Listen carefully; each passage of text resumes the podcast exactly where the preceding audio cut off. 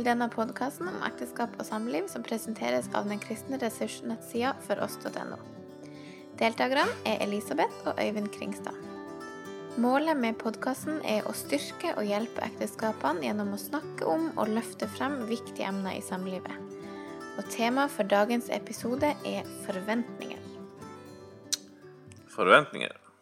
Det har vi alle sammen. På vei til livet generelt, kanskje. Men la oss ikke snakke om det. Eh, til ekteskapet. Eller til hvordan det skal være i ekteskapet, da. Det som er Jeg har ikke noe sånn forskningsmateriale på det, men jeg tror likevel at de fleste forventningene som vi har inn i ekteskapet, det er ubevisste forventninger.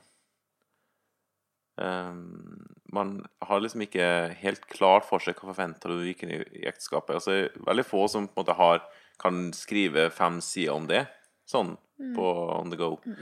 Men det viser seg jo likevel, når man begynner med det, holdt jeg på å si, ekteskapet, altså, eh, at man hadde noen forventninger.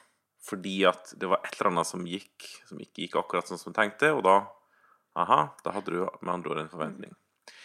Vi snakka om det i den første episoden, at halvpart, ja, cirka halvparten av alle ekteskapene i Norge, da, eh, ryker jo.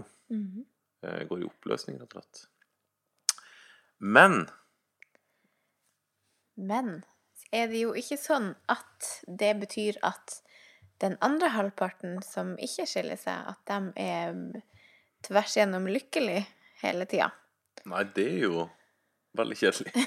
ja, men det betyr jo rett og slett at de fleste ekteskap har jo eh, en viss grad av ulykke. det hørtes jo veldig trasig ut, men, men man er jo ikke Selv om man ikke skiller seg, selv om man, man er gift eh, og holder sammen, så betyr ikke det at man er gjennomlykkelig. At man går rundt og er lykkelig gift hele tida. For det er, det er, sånn som vi var inne på i den første episoden, det er Forhold går i faser, rett og slett. Og det jo, høres jo nesten deprimerende ut å tenke på, men eh, det er realiteten. Ja, det er helt sant.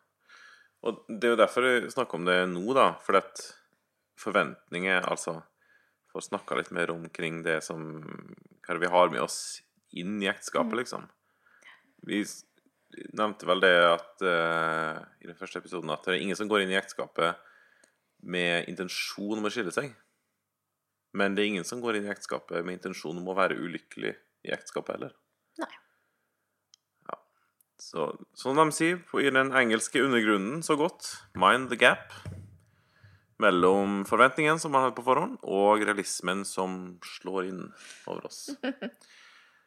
Eh, og det ønsker vi jo Det er jo derfor vi har eh, denne serien, rett og slett. Ja.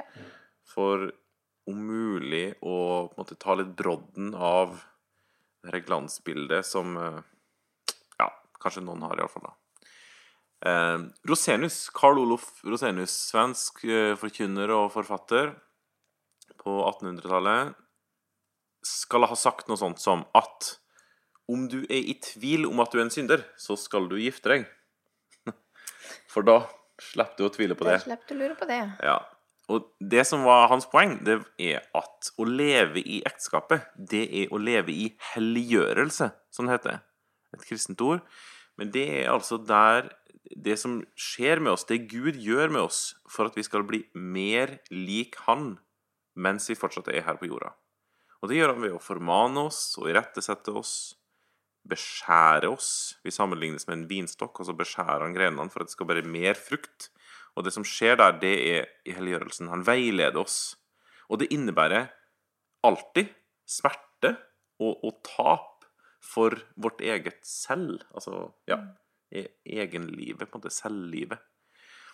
Og poenget er at det, det som skjer, det som Gud gjør med oss der, det slår inn i det som på en måte skal oppleves så lykkelig og ja, endeløs kjærlighet, sant, og alt skal være så inderlig og flott. Eh, drømmen vår om det får ripa i lakken. Det er jo to syndige mennesker som begynner å leve i lag, og ja, Det sier seg sjøl at det må jo bli litt trøblete. litt skurring. Ja. Eh, og jeg må si at det er litt sånn der, Jeg har møtt noen, nemlig. Særlig, dessverre igjen, Elisabeth. Eh, og kvinner. Særlig unge kvinner. Som er, virker sånn veldig sånn giftesugne. Utrolig, altså. Hvor det er drømmen og, og på en måte forventningen til det å være gift, endelig bli gift, da vil livet plutselig bli forferdelig bra, faktisk. Eh, mens det nå, uten å være gift og uten å ha en kjæreste eller noe sånt, er bare helt utrolig uutholdelig. Eh, og det er litt tilbake til den her, eh, skal vi kalle det kristenautomatikken i ekteskapet, som det er ikke noe sunt å tenke på den måten der, altså. Det er ikke noe bra. Eh, jeg hørte på et arrangement et sted. Erik Johansen, han er altså svensk prest som lever med sine homofile følelser. Ønsker å leve etter Bibelen med det, for å si det på den måten, og lever derfor ikke i et forhold. Altså i sølibat. Eh, og han gjorde i et eh, sånn seminar så tok han litt sånn brodden av det her, den store lykken i å leve i lag med noen. For det er faktisk ikke Bibelen sitt budskap. Eh, Den store lykken er å leve i lag med Jesus. Um, og så sa han noe sånt som det her. Og jeg syns det var godt sagt, og han sier det med integritet når han eh, lever og tenker og har sitt liv sånn som han har det. Det å tro at to med hver sine problemer klasja sammen uten mulighet til å flykte, skulle være så mye bedre enn å være aleine med de samme utfordringene, nei, det har jeg ikke noe tro på. Det sånn det høres litt voldsomt ut. Ja. Men det er noe befriende med likevel, da. Altså, lykken med stor L eh, finnes ifølge Bibelen faktisk ikke i eh, samlivet på den måten. Sjøl om vi eh, er kalt til og skal få lov til å leve i velsignelsen av et godt samliv.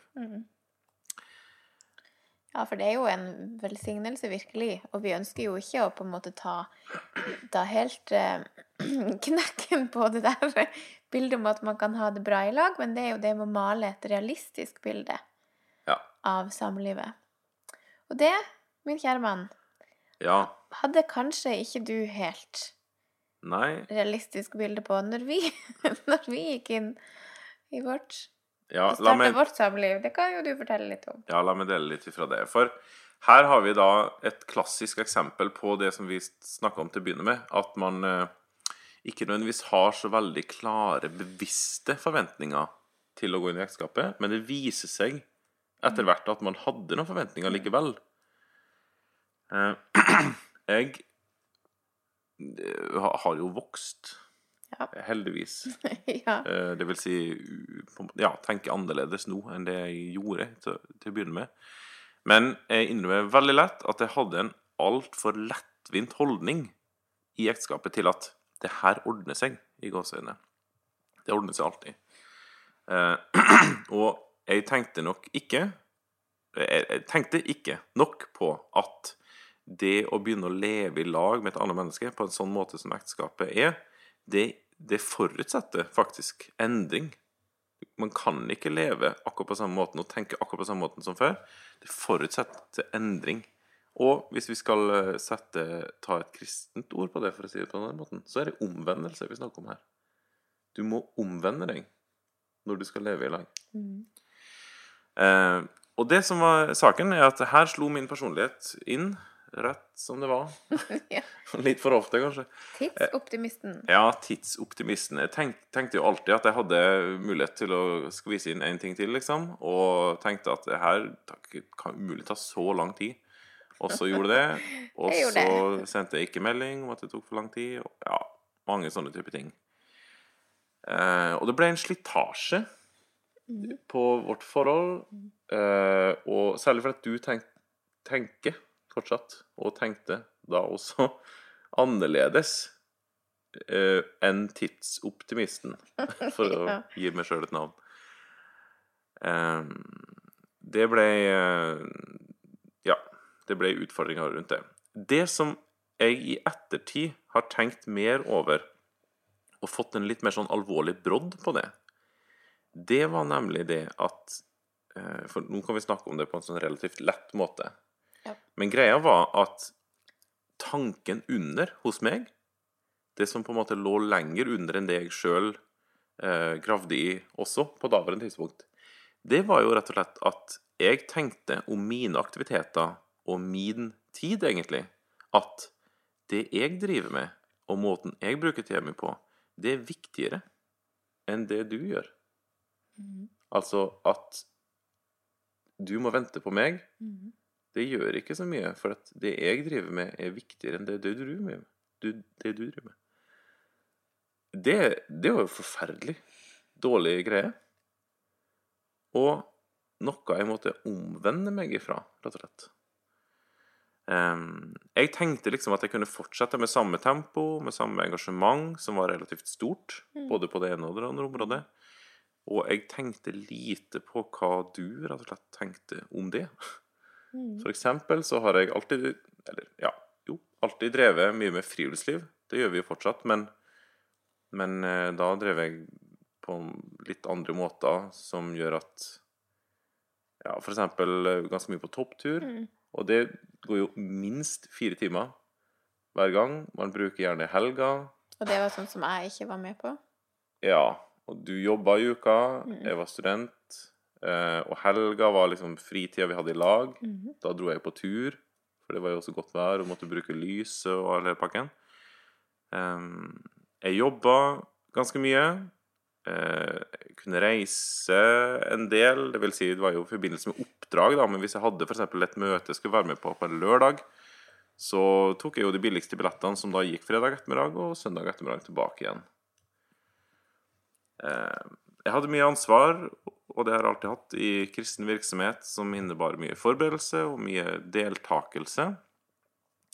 Ja Bla, bla, bla. I det hele tatt? I det hele tatt. Poenget var at jeg tenkte ikke engang at du tenkte annerledes om det. Jeg tenkte bare at du Altså underliggende alt, under alt det her, så tenkte jeg at du tenkte likt til meg. Og så gikk det da så langt, holdt jeg på å si, litt forskjellig, til at du sa fra så høyt. Ikke nødvendigvis med ordene dine, men eh, Nei, men med, med- tårene mine? Med tårene dine, for eksempel, ja. At jeg bare ikke kunne fortsette uten at det kom til en konfrontasjon. Og det var jo aldri noe særlig behagelig. Og Nei. så ble det ofte bedre en periode, Ja. og så var det liksom inn i samme, samme sirkelen. Ja. Og det, sikkert så kommer vi til å fortsette resten av våre liv akkurat det med her, for det har med med personlighet å gjøre. Men man lærer seg ting, og vi er kalt til å rett og slett omvende oss eh, og tenke annerledes om hverandre og hverandres tid også. Ja. Eh, til slutt i dag så har jeg lyst til å anbefale ei bok som jeg akkurat inn i de tingene her vil eh, tro kan være god, til god hjelp for mange.